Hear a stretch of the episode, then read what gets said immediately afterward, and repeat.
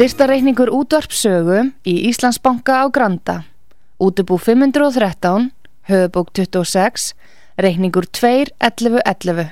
Nánari upplýsingar á útvarpsaga.is. Takk fyrir stöðningin.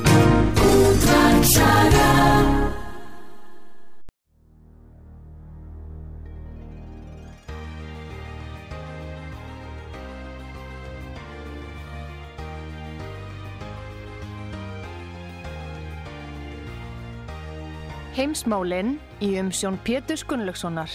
Fréttir og fréttatengt efni af Erlendum Vettvangi.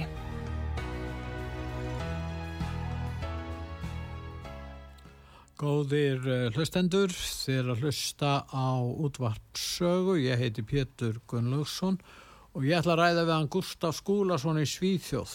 Þetta er þátturinn heimsmálinn. Sæl og blessaði Gustaf. Halló. Já. Já, þetta er þátturinn heimsmálinn og ég er að reyna að ná sambandi við hann Gustaf Skúlason. Sæl og blessaði Gustaf. Já.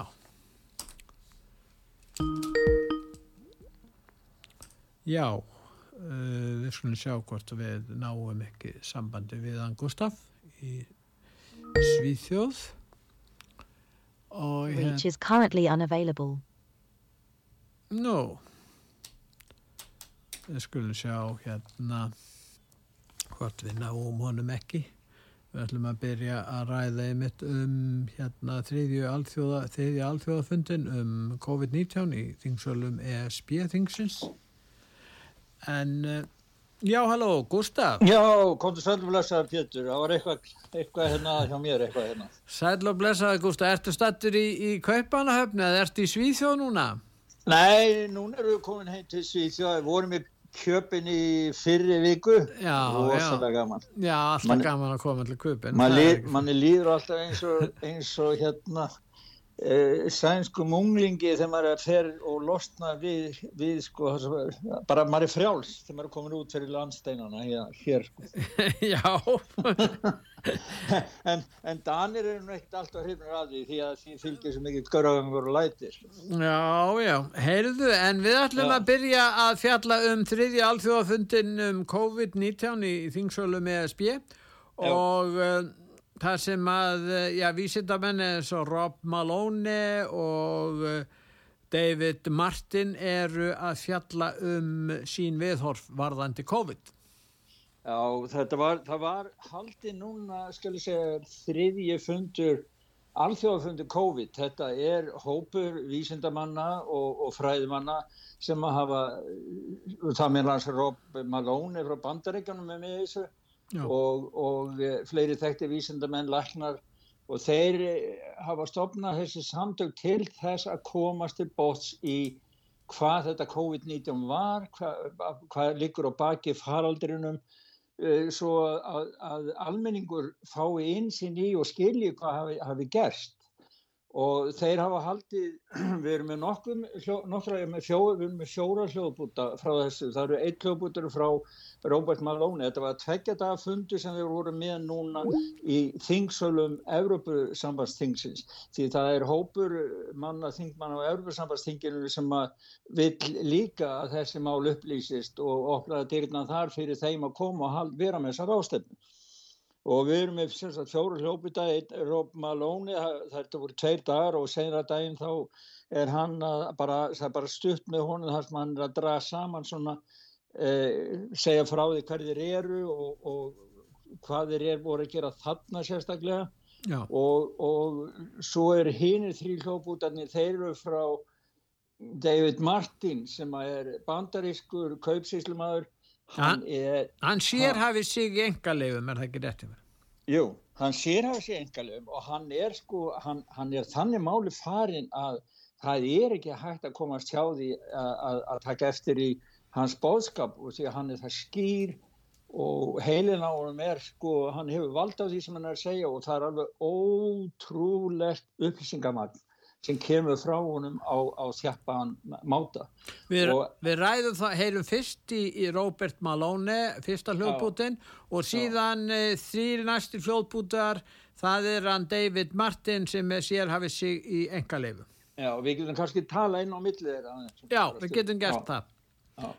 I would like to acknowledge the courageous MPs that have enabled this opportunity and thank them on behalf of the International COVID Summit Group. This is our third International COVID Summit meeting. First one was in Rome in the Senate by invitation. The second one was in Marseille and Massy in France. And now uh, it's been our great pleasure to be able to share our observations and conclusions uh, here in Belgium. I would like to, in particular, emphasize one of the key findings that ran all the way through the presentations, which is that, in fact, there are people who are vaccine injured. This is something that has been suppressed by all channels of, uh, forgive me, corporate media and governments, that there are these individuals who are, in fact, vaccine damaged, and they have not been allowed to speak. They have had their experiences suppressed, they have been uh, demeaned, they have been gaslit, and they are damaged.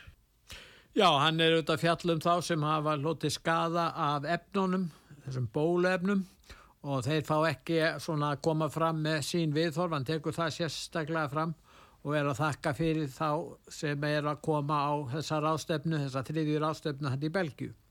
Já, og, og eins og hann segir sko að hann ásakar fjölmiðla sem að ekki hafa leift þeim sem hafa uh, skadast orðið fyrir tjóni vegna bólefnana að, að þeirra málstæði fengi að heyrast.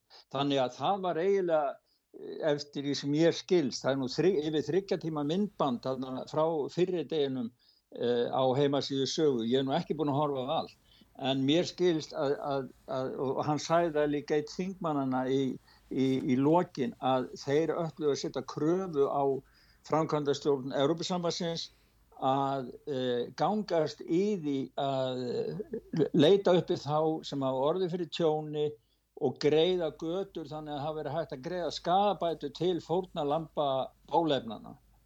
E, þannig að mér skilst að þetta hafi nú verið svona e, megin markmiðið eða megið teman með, með rástefnin. Já, og nú skulum við hlusta á David Martin, fyrstu, fyrsta hljóðbútin með honum. Pfizer, 1990, the very first spike protein vaccine for coronavirus. Isn't that fascinating? Isn't it fascinating that we were we were told that well the spike protein is a new thing. We just found out that that's the problem. No. As a matter of fact, we didn't just find out it was not just now, now the problem. We found that out in 1990 and filed the first patents on vaccines in 1990 for the spike protein of coronavirus. And in 1990, they found out that there was a problem with vaccines. They didn't work. Já, hann er að uh, vísa til þess að þetta er nú ekki alveg ný uppgötun, hún hafa átt í stað, hvað, 1900, fóruður ekki aftur alveg til 1965 einhvern veginn, hann talar hann um 1990. Já, hann tala um 1990 en þeir byrjuðu 1966, segir hann. Þannig, að- þannig að þetta kom síðar, skilur, en þarna er skrásita er eh, fyrsta sem sagt, spike protein bólefnið Já. 1990, þannig að þetta, en þeir byrjuðu á rannsóknunum á, á, á, á það sem heitir SARS-veira, eða koronaveira, þeir byrjuðu á því 1966 og hann rekur það, rekur það í þessari ræðu, en við getum bara ekki spila allt, sko. Það er. Það mættum að hlusta á næsta bók. já, við betra. gera það. It turns out that coronavirus is a very malleable model. It transforms and it changes and it mutates over time. As a matter of fact, every publication on vaccines for coronavirus from 1990 until 2018, every single publication concluded that coronavirus escapes the vaccine impulse because it modifies and mutates too quickly for vaccines to be effective. And since 1990 to 2018, that is the published science, ladies and gentlemen. That's following the science. Following the science is their own indictment of their own programs that said it doesn't work. And there are thousands of publications to that effect, not a few hundred and not paid for by pharmaceutical companies. These are publications that are independent scientific research that shows unequivocally, including efforts of the chimera modifications made by Ralph Barrick in the University of North Carolina, Chapel Hill, all of them show vaccines do not work on coronavirus. That's the science. And that science has never been disputed. Bóluefnin virka ekki, segir hann. Og... Já, Nei, hann, hann, hann, er að, hann er að lýsa því sko að á þessum tíma, 1990 til 2018, hann segir þetta eru vísindin. Því að hann er búin að rannsaka ekki bara hundru skrifta út um allan heim heldur þúsunda og jafnvel gæti ég trú að tíu þúsundar sko, því það er svo, er svo miklar upplýsingar. En hann segir það vísindin, þessu hefur ekki verið, ekki verið mótmælt þessu skrifum, en þau hafa hins vegar ekki komist fram í gegnum fjölmiðlana til almennings vísindin eru fyrir löngur sínan búin að afgreiða þessa kórunuveiru af því að hún er manngerð. Þetta er ekki eðlileg veira úr náttúrunni og þau eru fyrir löngu síðan vísindamenn út um allan heim búin að afgreða það að bóluefni virka ekki gagvart þessari manngerðu veiru. Vegna þess að eins og hann lísti því hún, hún uh, breyti sér svo hratt og, og stökkbreytist og bólu það er ekki hægt, það er bara bóluefni virka ekki gagvart þenni. Já og svo skulum við hlusta á fjórða hljóðbútin með hannum. But then we had an interesting development in 2002. And this date is most important. Because in 2002, the University of North Carolina, Chapel Hill patented, and I quote, an infectious replication defective clone of coronavirus. Listen to those words infectious replication defective. What does that phrase actually mean? For those of you not familiar with language, let me unpack it for you. Infectious replication defective means a weapon. It means something meant to target an individual but not have collateral damage to other individuals. That's what infectious replication defective means. And that patent was filed in 2002 on work funded by NIAID's Anthony Fauci from 1999 to 2002. And that work, patented at the University of North Carolina, Chapel Hill, mysteriously preceded SARS 1.0 by a year. SARS is not a naturally occurring phenomenon. The naturally occurring phenomenon is called the common cold. It's called influenza like illness. It's called gastroenteritis. That's the naturally occurring coronavirus. SARS is the research developed by humans weaponizing a life system model to actually attack human beings. And they patented it in 2002. Já, enga í raun og veru fyrir þess, þessari veru sem átt að nota sem vopn eða tilraun var gerð til þess að gera það þannig. Já, SARS hann er, að, hann er að lýsa í það sko hann segir það líka á öðrum stað, hann segir það hefur verið svo erfitt að, að komast að upplýsingum, setja alla bitana saman til þess að geta sagt á vegna þess að upplýsingar eru faldar á bakvið mörg, mörg engaleifi yfir, yfir eins og frá nýta, þetta er 20 ára tímabill en, en útkoman úr þessu, þessari nýðustu og þessum rannsóknum sem hann hefur gert er þessi það sem er eðlileg vírus eða veira kemur frá náttúrunni þá verður við kvefur og þá fáum við influensi þessi veira sem, sem hefur skapað uh, koronaveiran sem hefur skapað COVID-19 faraldurinn og skapaði faraldur áður þegar það var SARS-1 og Guð má vita hverja fleira faraldra. Maður ma, ma fennur bara að hugsa til til, til svínainfluensu, fugglainfluensu og fleiri faraldra ef þeir eru búin að vera að, að þessu svona lengi.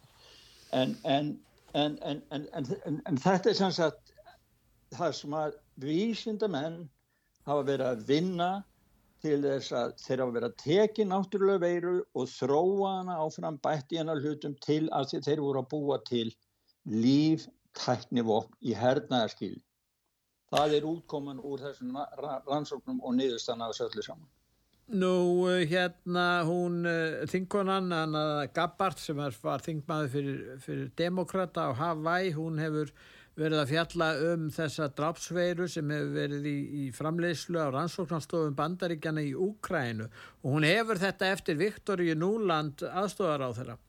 Nú rússatinn nota er að, er að byrsta þessi gögn um þessa fuggla influensu sem sé drapsveira og það séu uh, hvorki meirinni minna en uh, 46 rannsóknarstofur bandarískar í Úkrænu. Bandaríkjaman hafa neitað þessu og, og hérna en uh, þingkonan bandaríska hún heldur þessu fram og vísar í þarna aðstóðar á þeirra. Hvað segir um þetta, Gúst? Já, nei, þetta er, þetta er sko mitt Romney hann, og, og bandaríkjastjórn það var bara deginum eftir að, að þau, þessar upplýsingar komum fram sem þau afneituðu svolítið svo neina, við erum ekki með neina rannsóknarstofur og það er ekki neitt neitt. Þetta er tóm lígi og þetta er bara landráð að vera að segja svona. Já. og hann sagði, mitt Romney sagði um Tulsi Gabbard að hún væri bara endur hjómal falskan rúsnarska áróður og, og þetta landráð hennar gæti að kosta mannslíf vildi hann meina.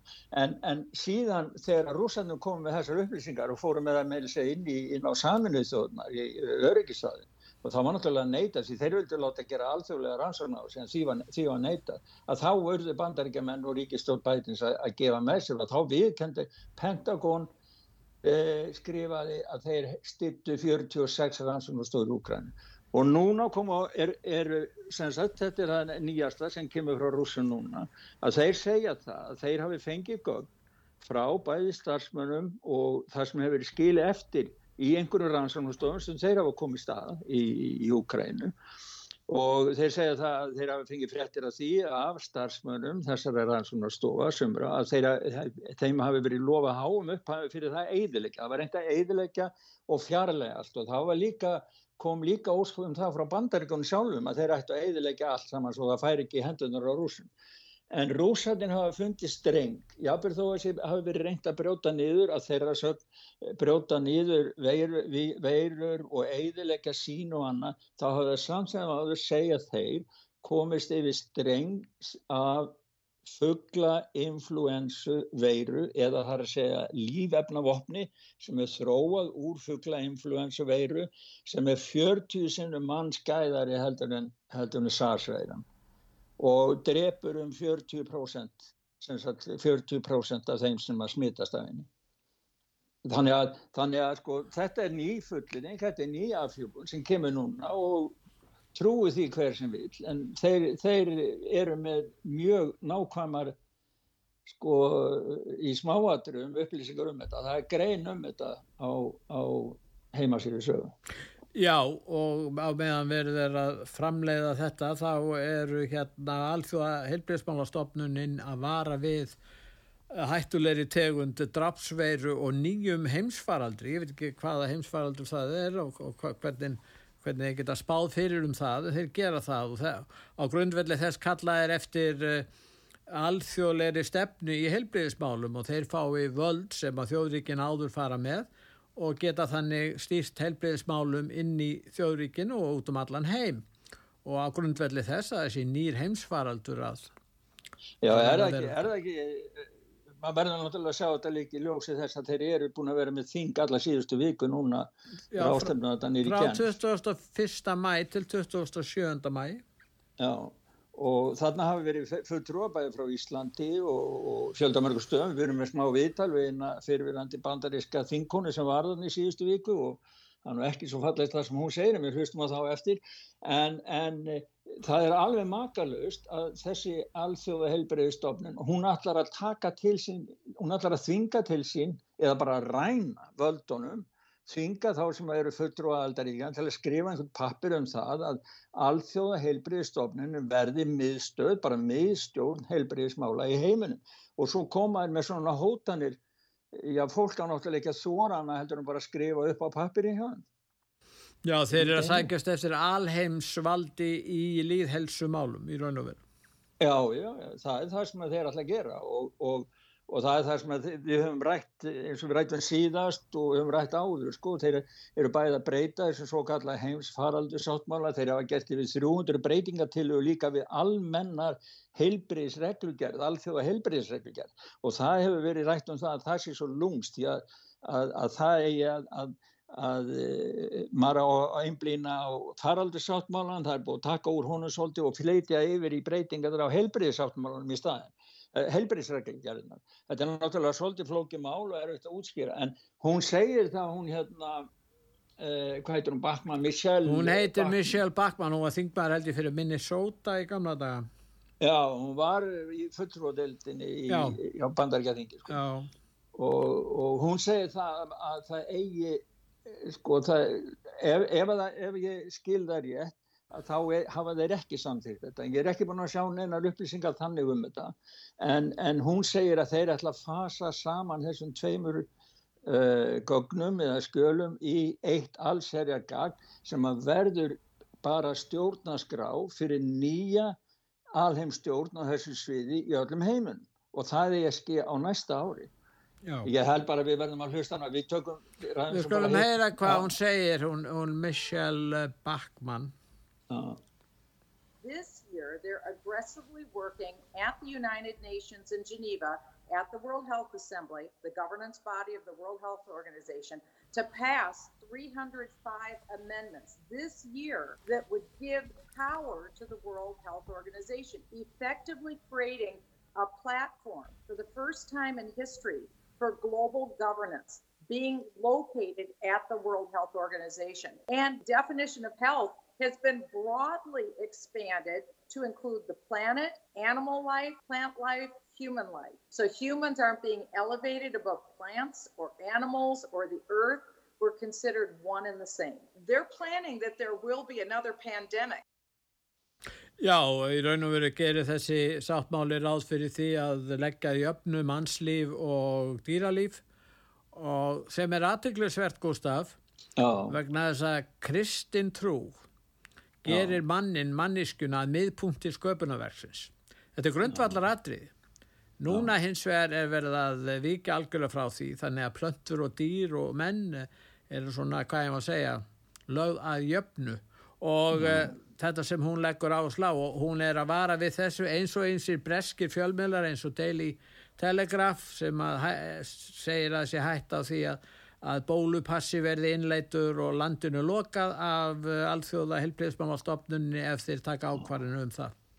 þetta er mjög, þetta er mjög gott sem þú segir, Pétur, því að, því að hún, hún lísti því þannig að sko, við verðum, hún segir það, það, það er búið að breyta skilgreiningun á heilbreyði með því að taka inn dý, dýraríkið, plönturíkið og, og setja manneskuna til jafnsið það og hún segir það fólk er ekki meira virði en kakkalakkar. Manneskjan er eins og kakkalakkin, jafn óhreit.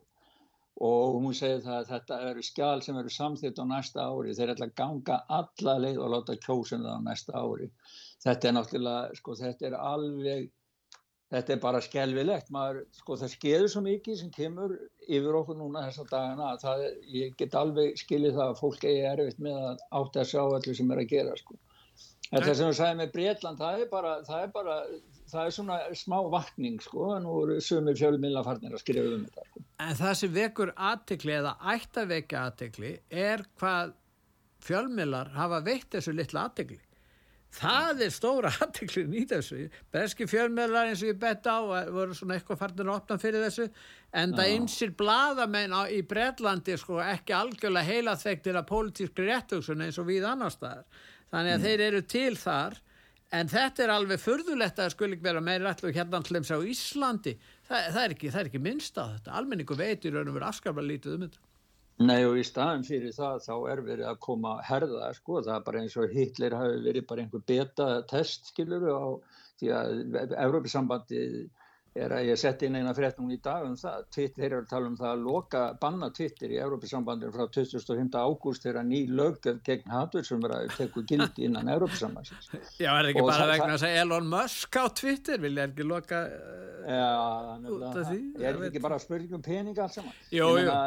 Blink, Blinkin er hérna núna í, í, í, norður hluta Svíþjó og fundi með síum og, og að því að það eru fulltrúa fyrir Európa-sambandi og það, er, það eru tveir hluti, það er að fá Svíþjó inn í NATO, náttúrulega fyrir heim, heimamarkaðin, en svo eru þeir í business. Það verður rætt viðskipti og viðskipti um hvað? Bara herfél og tól og tæki Já, því það á bara að fara að kála öllu liðum. Fyrir ekki orðbræði, ég bara, maður maður er orðin þannig, sko, þetta, það, maður, það, það kemur svo mikið af upplýsingu svona yfir höfuð á okkur núna þessa dagana að maður bara, hvað maður að gera?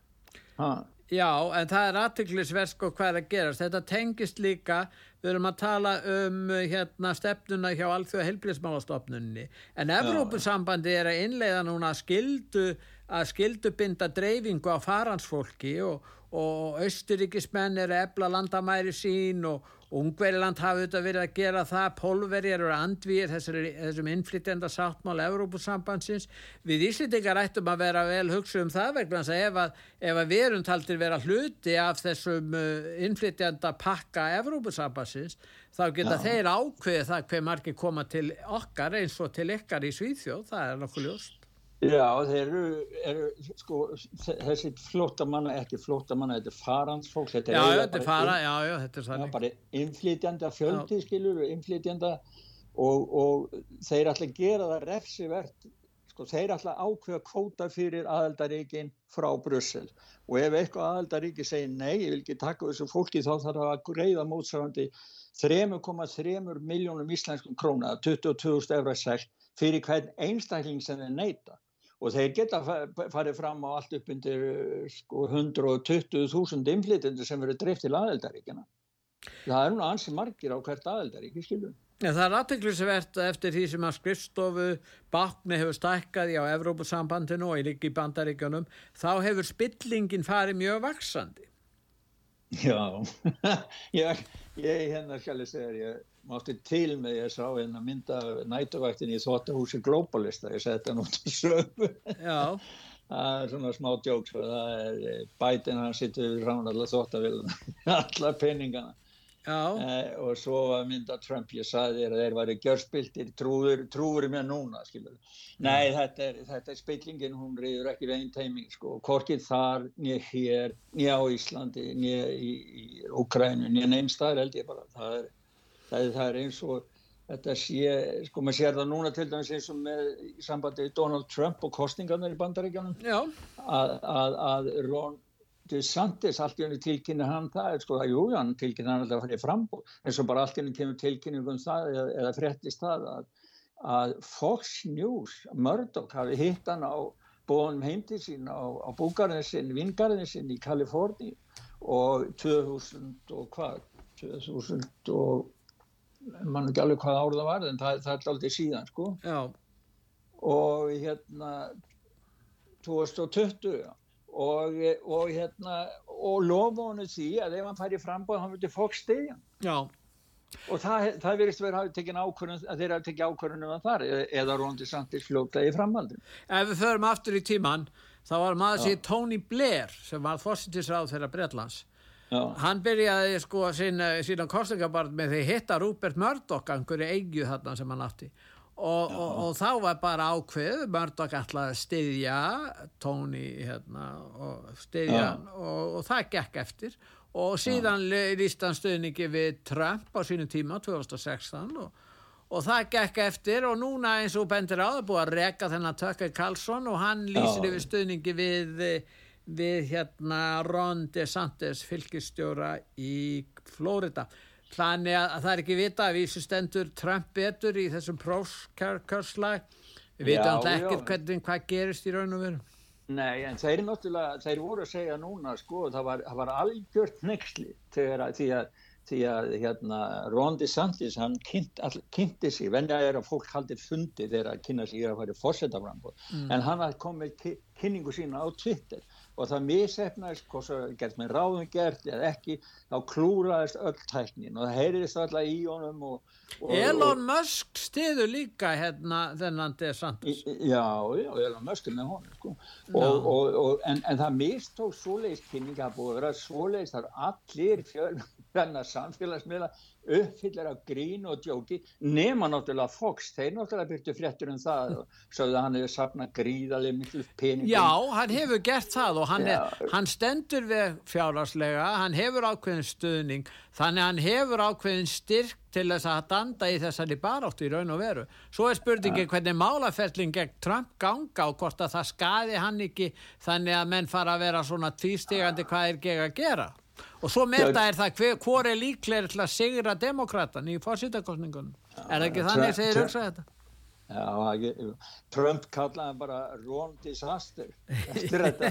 Við, Já, hann- við, það- þeir, voru fljótir, þeir voru fljótir í herbúðum Trumps að koma með alls konar grín.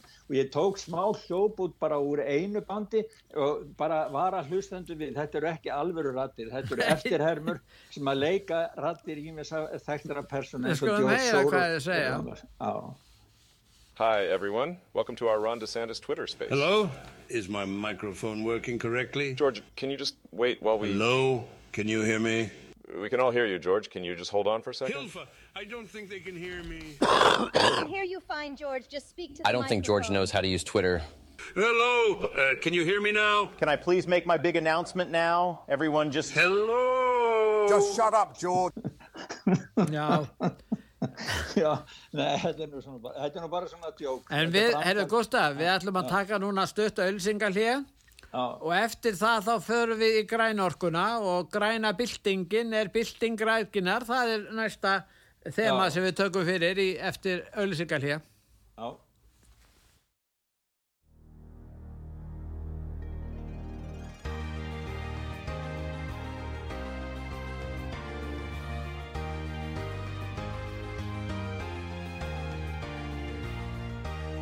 Heimsmálinn í umsjón Pétur Gunnlaugssonar. Fréttir og fréttatengt efni af Erlendum Vettvangi.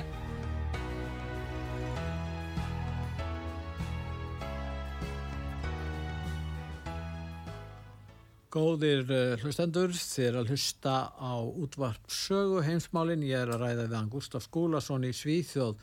Nú Gustaf, ymsir er að ráðast að bændum, þeir segja bændur beri ábyrð á þessum breytingum á lofslæginu og, og svo segja aðri sem ráði yfir matvælaframleyslunni, þeir eh, ráði í raun og veru því hvernig þróunni verður og síðan eru fullirðingar um það að hérna aðri segja að, græna byltingi sé ekkit annað en bylting græðginar og þetta sé raun og veru tilraun eh, globalistan eða hattræningjana til allræðisvals í heiminum. Eh, Það, tengist líka þessari stefnu sem er ekki af alþjóða heilbriðsmálastofnun. Þetta tengist allt saman, landbúnaðurinn, heilbriðsmálinn. Þetta tengist allt saman sko, það er, það er World Economic Forum uh, og það er, það er WHO, það eru saminuðsjóðunar, það er Alþjóð Gjaldirisjóðurinn og. Bank of I- eh, International Settlements eh, yfir Sælabankin í heiminu. Já. Þau vinna öll saman á baka tjöldin. Það, það, það er grúpan sem er í þessu. Við erum með smá hljóput hérna með, það var, er eh, skoskur blaðamaður sem að hefur hef, hugsað um þessi mál og er með svona eigin, eh, hvað ég segja, bara pistil. svona- Já, hugleiðingar, hendur er ekki Neil Oliver, heitir hann ekki? Jó, Neil Já. Oliver, maður þess að heyri honum. Já, þú það. það. It's ownership of the land, all of the land, which is profound. I think it's a subject of profound importance. You know, here, here we all are, nearly 8 billion of us, uh, on a blue ball falling through infinity. And we're all in it together. And yet, some of us, some people, some few people own most of it. There was a, a climate summit in Washington, and there was a headline that said, where John Kerry said that confiscation, government confiscation of farmland was not off the table. We have to look back at the, at the lessons of history and see that when the rich and the powerful take control of the land, it's for their good and not for ours. Já, uh-huh. Þetta er nú bara smá brot, uh, svona, svona, skemmtilega lýsing hjá hann, svona, að sjá þetta svona, að við erum öll saman í þessum bát á þessar bláu kúlu, yfir 8 miljardar sem að geysist í gegnum geiminn, sko. en Og- við vorum að tala um nokkur atrið, en við hefum að tengja eitt máli viðbútt, það er að segja samgöngumálin. Og nú er verið að reyna að stýra fluginu, við þekkum það hér á Íslandi, varðandi þá skatta sem við eigum eftir að borga í framtíðinni, og svo er í Praklandi verið að banna eða draga úr innanlandsflugi á stittri vegalengdu. Já, nei, það bara, sko, þetta, þetta, þessi græna stefna og þessi kóltísýrings að það sé eitthvað hættulegt og annað, Já. þetta er bara sirkus, þetta er bara leiksýning fyrir framann okkur, sko. Ég fann hann að upplifa það þannig og þetta er svo fáránlegt að í Fraklandi þá, sko, eh, Manuel Macron, eh, Emmanuel Macron, hann hérna hann var búin að semja um eitthvað að það ætti að lækka að draga úr og það átti að draga úr innanlandsflögi eitthvað til þess að sína hvað Frakland væri nú dögligt í barátunni græn, sagt, í grænu byltingunni. Og, og svo komaði í gegn núna og það búin að banna flug, innanlandsflug í Fraklandi eh, sem að er á tvekja tíma, tíma vegalindu og þetta hefur bara áhrif, stór áhrif á innlandsflug í Fraklandi. Hvað er frjálsa samkeppni, spyr ég. Ég menna það er allt sett til hlýðar í einhverju grænu nafni, skilur. Þetta, þetta er, og þeir spar ekki það mikið með þessu, hvort þið er. Og ég menna þegar að COVID var, við höfum rætt áður og, og eitt sem að rannsakaði það, að, að þegar COVID og meðan COVID var, þá var afskaplega lítið flóið, en það mingaði ekkert kóltísýringin að andrusloftinu fyrir það. Það held áfram að veikast en, en það er einsir að mótmæla á mjög að hérna róttakann hátt í Svíþjó í Þískalandi, Þískalandi já, já.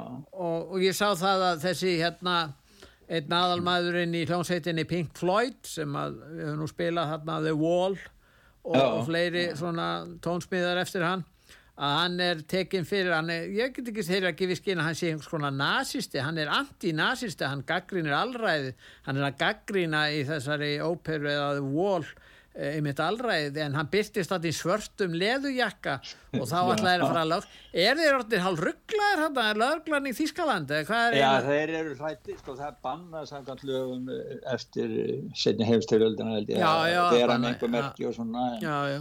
en það er eitthvað annað að baka þetta þeir reyndu að stoppa tónleikana og hann, var, hann fekk niðurstöðu dómstól sem það hann mætti halda það þannig að þetta er, þetta er þessi réttrúnaður Sko, Já, hvað er gag... það sem hann er? Ég meina þeir eru að saga hann um eitthvað sem er ránt að saga hann um.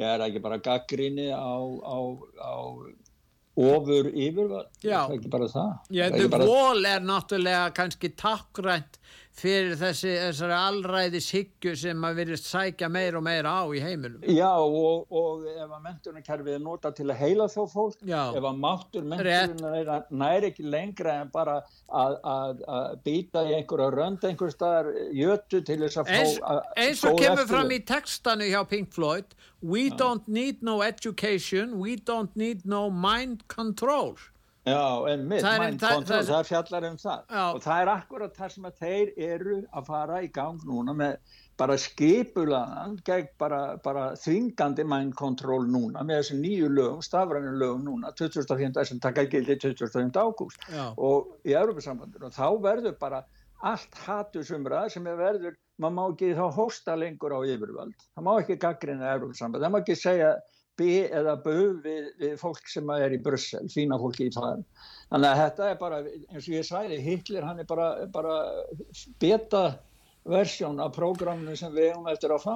En nú, nú, nú er í Svíþjóð verið að gaggrýna vindmilunar og það er til dæmis talað þessi efnahagslega óhagkvæmar endingartímin, kannski 20 ár já, og það já, eru samtök eins og BirdLife eða Fugglalíf og Sjómenn og ymsir aðri sem er að kæra til domstóluna, hann er að verða svolítið breyting varðandi afstöðuna til, til þessara vindmiluvæðinga. Já, það var, það var að koma út núna skísla aðila sem, að, sem að hafa rannsakað eh, sagt, hagnýtingu og, og, og, og efnaðslegan ávinning af rekstri allra vindmila sem hafa verið byggðar í síðsó á árunum 2017 til og með 2020 og niðurstöndar þessu eru slamandi því að þegar að best létt í efnaðslegu tilliti þá var tapið mínu, þá var tapið 8,5%. Það var sem sagt að hefur ekki verið hagnar af einum, einni einustu vindmilu sem hefur verið reist í Svíþjóð árunum 2017 til 2020 og þegar vestlið þá var það nýri 25%. Þannig að útkoman úr þessu vindmilu dæmi hér í Svíþjóð er að skattreðendur, ríkið, sveitafélög þurfa að niður greiða reksturinn á vindmjölunum með millir 15-25% árlega af skattafíð. En við erum búin nú... að segja þetta í mörg ár, Gustaf. Við erum búin að segja að það þurfa að niðurgreiða þetta og við erum að Já. sjá þetta samt er verið að berjast fyrir þessu. Kimverjar framleiði þessa vindmjölur. Ég menna, hver er skýringin á því að, að, að, að stjórnmálamenn og, og hérna á Vesturlöndum vilja reysa vindmjölur ef það er ekki efnahagslega hagkvæmar og endingartímið þeirra lítill og, og er, er Já, endingartíminn við bara haldi 20 mjög ár. mikið og annað tutt- endingatíminn er bara 20 ár. Blöðin þarf að skipta út oftar, það fyrir eftir hvernig, hvernig eh, aðstæður eru. Það getur kannski þurft að skipta um blöðin tvísvar á 20 árum, það getur jafnveg þurft að skipta um árlega ef þau eru út á, út á hafi. Þannig að, sko, og svo er fyrir utan það efnið í þessu, þetta er bara neitrað, fer út í lífríki, ég meina náttúröndarsamtök í Danmörku, þeir bændur þar, það, það, þeir get ekki lengur slátra nautgripum og selt kjöti að því að það komið eitthvað eiturefni úr þessum blöðum. En, en, vassafsvirkanir hér hjá okkur, Já. þær taka ekkit mjög sko, mikið pláss ef við morðaða þannig. Takk ekki mikið pláss og endast. En, já, endast, en ef þú tekur til dæmis svæði sem þarf að- að leggja undir fyrir vin, vindorkuveri, það eru bara fleiri og fleiri kílómetrar. Ég Já, meina, svo geysilegt landflæmi leggur, ég, ég skil ekki almennilega þá umhverfisvenda sinna sem vilja þetta ekki bara sem valkost heldur sem kröfu. Já, já, segðu. Nei, ég meina hérna til þess að orkuvita í Skæleftu og hérna í Norður Síðsjóð, þeir eru búin að ákveða að leggja niður vindorkuveri og þeir segja bara, bara það er engin hagnaður í þessu og, og það er betra að kaupa öðru og vera með öðru í sorgu. Ég skil það kannski að Danirnir eru með þetta fyrir utan út í sjó og, og það er allt í lagi. Það, þetta getur nýst ákveðnum samfélögum þar sem eru engin, engar vassalpsvirkanir, engin kjarnokkar náttúrulega, kannski lítil olía. Þannig að, að það er skiljanlegt að þetta en það, það, nýtist. gera, það gera ekki heldur því að, því að, því að úr spöðunum hafa flýsast eiturefni það eru fósfór, ég man ekki alveg, alveg nöfna á þess, það er eitthvað sem er baneitar sem að fíkur út í náttúruna svo fara dýrin og borða grasi sem er búið smitað af þessu og þeir hafa bændur í Danmörk og þeir hafa fara fram á það að það verði bannað að reysa fleiri vindmjölur hvar svo sem er. Hvort á hafúti eða hvar svo sem er. Á meðan verið er að rannsaka hvað áhrif þetta hefur. Því að sumir hafa orðið fyrir tjóna af þessu. Að þeir get ekki selt kjöti af dýrunum lengur matinn Nú, ef við förum og ræðum um, um stríðið og allt það sem tengist því, þá Já, er... herru, bara aðeins, aðeins áður við ræðum um það, hérna, að að þetta, þetta er svo geðveikt, þetta, þessi græna geðveikt, eins og þú varst að segja áðan hérna með í Þýskalandi, Já. samtök síðasta kynsluðin. Ég menna að lauruglan í Þýskalandi var að gera, á, bara var með aðgerð að leita á 15 stöðum út um allt Þýskaland. Þeir, ég veit ekki hvað þeir eru kannski vilja bara loka þessum samtökum. En hérna í Svíþjóð, þá gerði eitt, eitt e, blað hérna, samanbörð á matselvi þingmannana í, í sænska þinginu Já. og svo skólamatnum. Já. Og það var sko, e, það, var, það er um þetta á heimasíðu og það bara samkvæmt skólaauðvöldum í Svíþ og ég ætla að bjóða þér upp á það ef þú kemur í heims og pöttu granóla með havrahrísgrónum. Hljóma það ekki vel? Er það börnin sem að er að kynna sér mataræði framtíðarinnar? Já, já, það er það sem er og þau eru, börnin, þau eru bara Nöttu sem tilrauna til náttúrulega ekkert. Já, skrúp út í hot, það er bara, bara græna, græna ste, hérna, stefna sem gildir þar, kjötleysi dagar og kjött fjarlægt úr matnum og það er bara pöttur og ég veit ekki hvað og eitthvað grænt ofstæki. En hinnir, þeir eru bara í buffi, alifuglum og þú veist. Já, auðvitað. Já, já, kjöti og rjómasósum, þetta er, já. En uh, hann næstráðandi í Rúslandi, Medvedev, hann er, já, hann var nú fósitt á tímabili og mikill bandamaður og stuðnismadur Putin, hann er að tala um kjarnorkuna. Hann segir að Vesturlönd virðast ekki gera sér grein fyrir því að þessi átök í Úkrænu uh, geti leitt til kjarnorku stríðs og það sem hann kallaði fyrirbyggjandi kjarnorku árás og Já, sérstaklega ef að Vesturland senda kjarnorkuvopp til Úkrænu en nú eru rússandi búin að senda kjarnorkuvopp til Kvítarúslands eftir því upplýsingu sem þeir hafa sjálfur gefið Já, en þetta er sem að tóknin, þetta er það sem að valdhafar í Rúslandi segja, segja. Ef þið komið stíði á striki hér, þá förum við af stað með fyrirbyggjandi kjarnangúa. Kalli Bíl segja að hann er ekkert að marka þetta. Það er eins og fólk á ráðamenn á Er það kallbilt hjá fyrirverðin döttaríksraðu fyrir mótirata? Já, já, já, já. Hann, hann er nú bara launum hjá George Soros. En konan hans er það. Já, hann er þar sjálfur því að hann skrifar í hérna, syndicate hérna, sem þið senda út um allan heim en, en, en ég meina sko það er eins og þeir þeir, haldi, þeir ætla bara að keira áfram það er bara stefnan er George Soros hefur sett stefnuna stikka niður Rúsland þeir vilja komast að auðlindunum, þeim finnst Rúsland verið alltaf stort land. Þá að fá burtu ríkistjórn Putin, Putin burt frá völdum, þá að fá burtu Xi Jinping og ríkistjórnin í Kína. Þetta er markmið aflana í bandaríkjunum sem eru að tróða út grensu, NATO-grensunu allan tíma lengra austus. En Ungverjaland hefur nú verið á annari skoðun en þeir hafa stöðvað afhendingu vopnalli ESB. Ungverjar, það eru margir ungverjar sem búa í Ukrænu og, og hérna það er nokkuð stór, já, minn hlutahópur sem er þar og, og Orban Viktor hefur sagt að, að rússar Ukræna get ekki unnið stríði, það sé nánast út í loka. Og, og þetta er allt svo í raun og veru dögt og lítur illa út og yfir þessu svona kvílir svona vonleisis, hvað ég var að segja, andrúnsloft við erum komin inn í.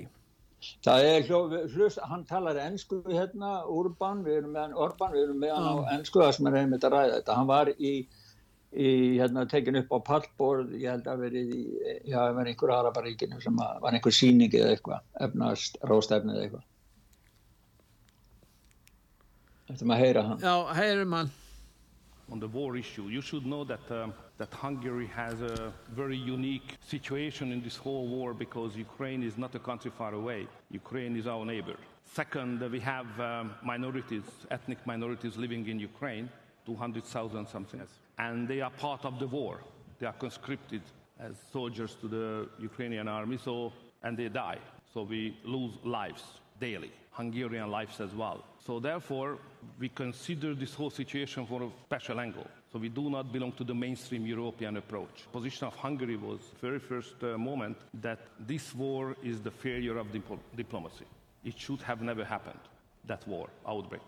Looking what's going on on the front line, for us, it's obvious that the battlefield solution does not work. Whoever right and whoever not, you rightly describe the situation that Russia invaded Ukraine, but the question is not who invaded whom, the question is what will be the next morning. You know, the next morning, the fact is that more and more people will die, and there is no chance to have a victory on neither side.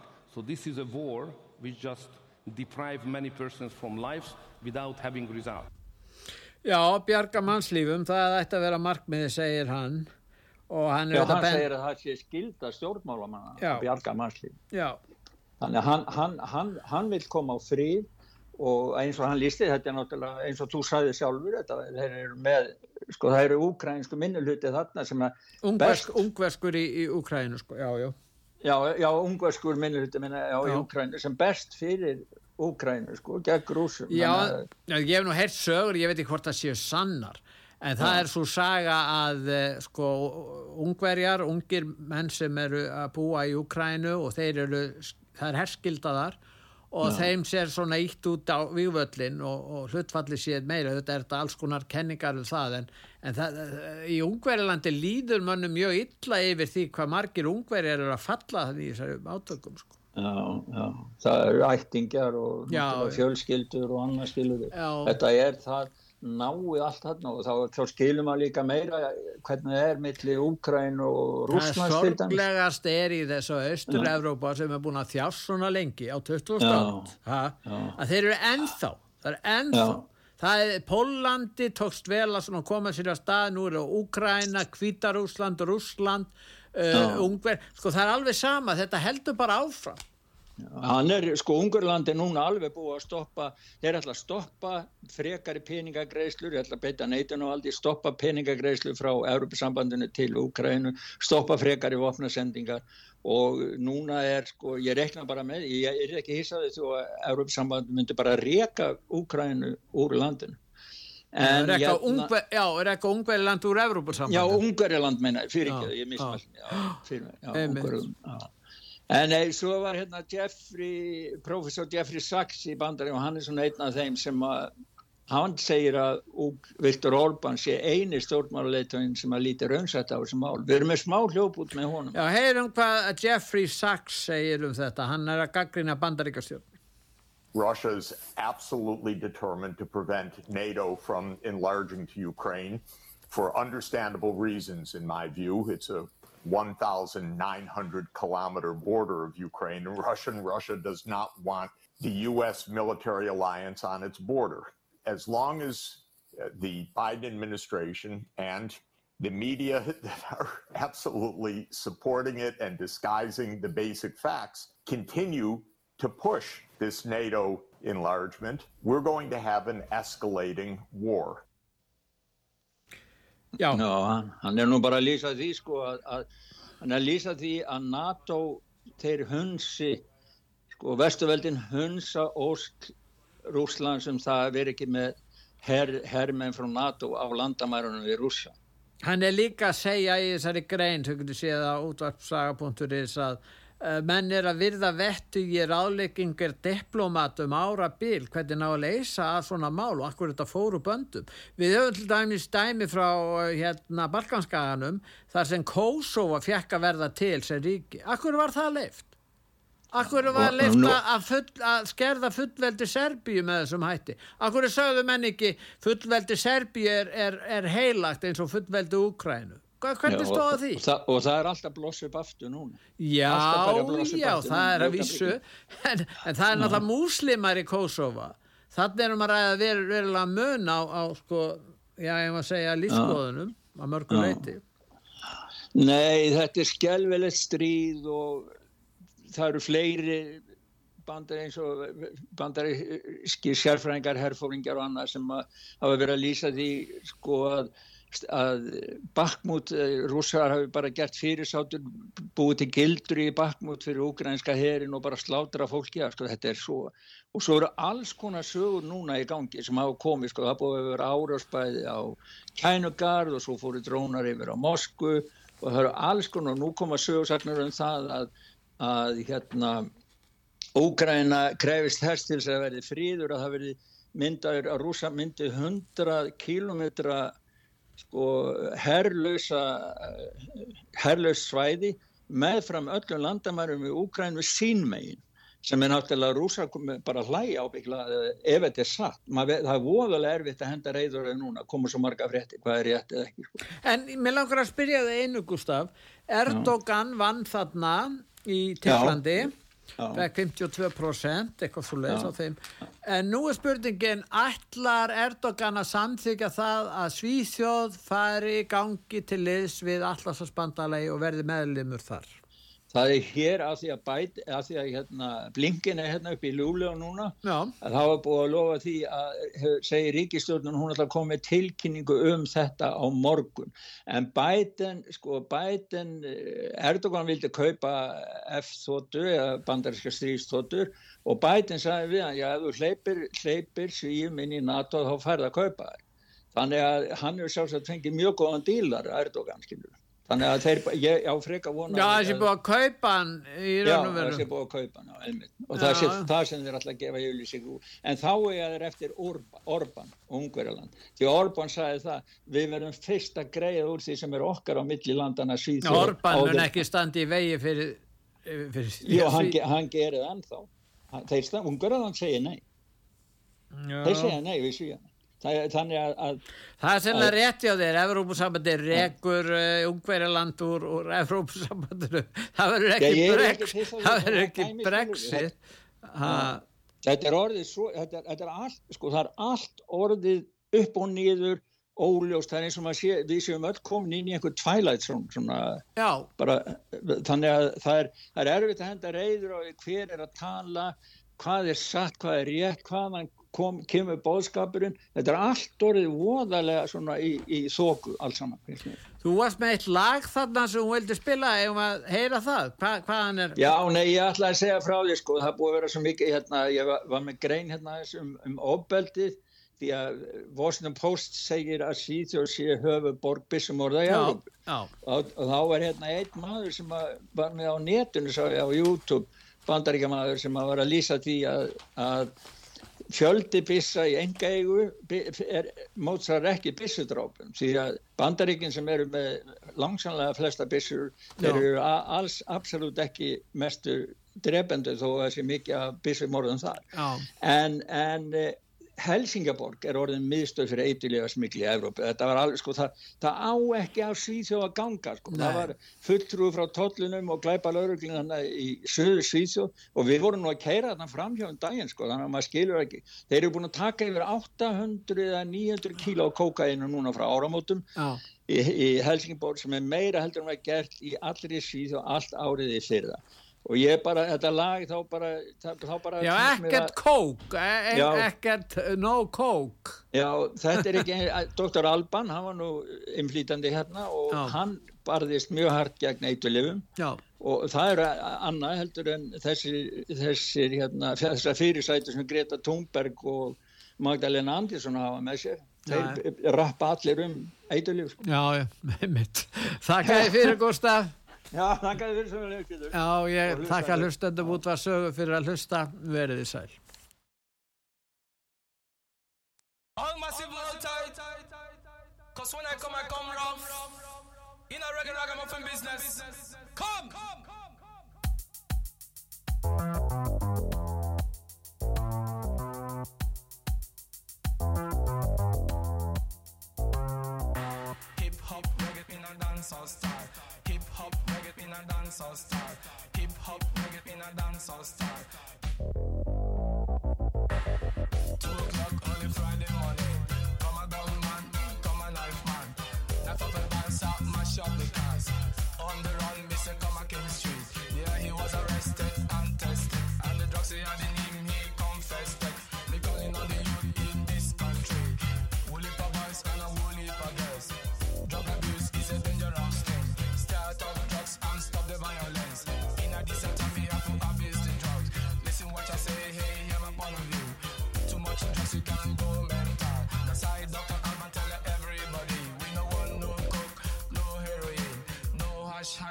Amfetamin.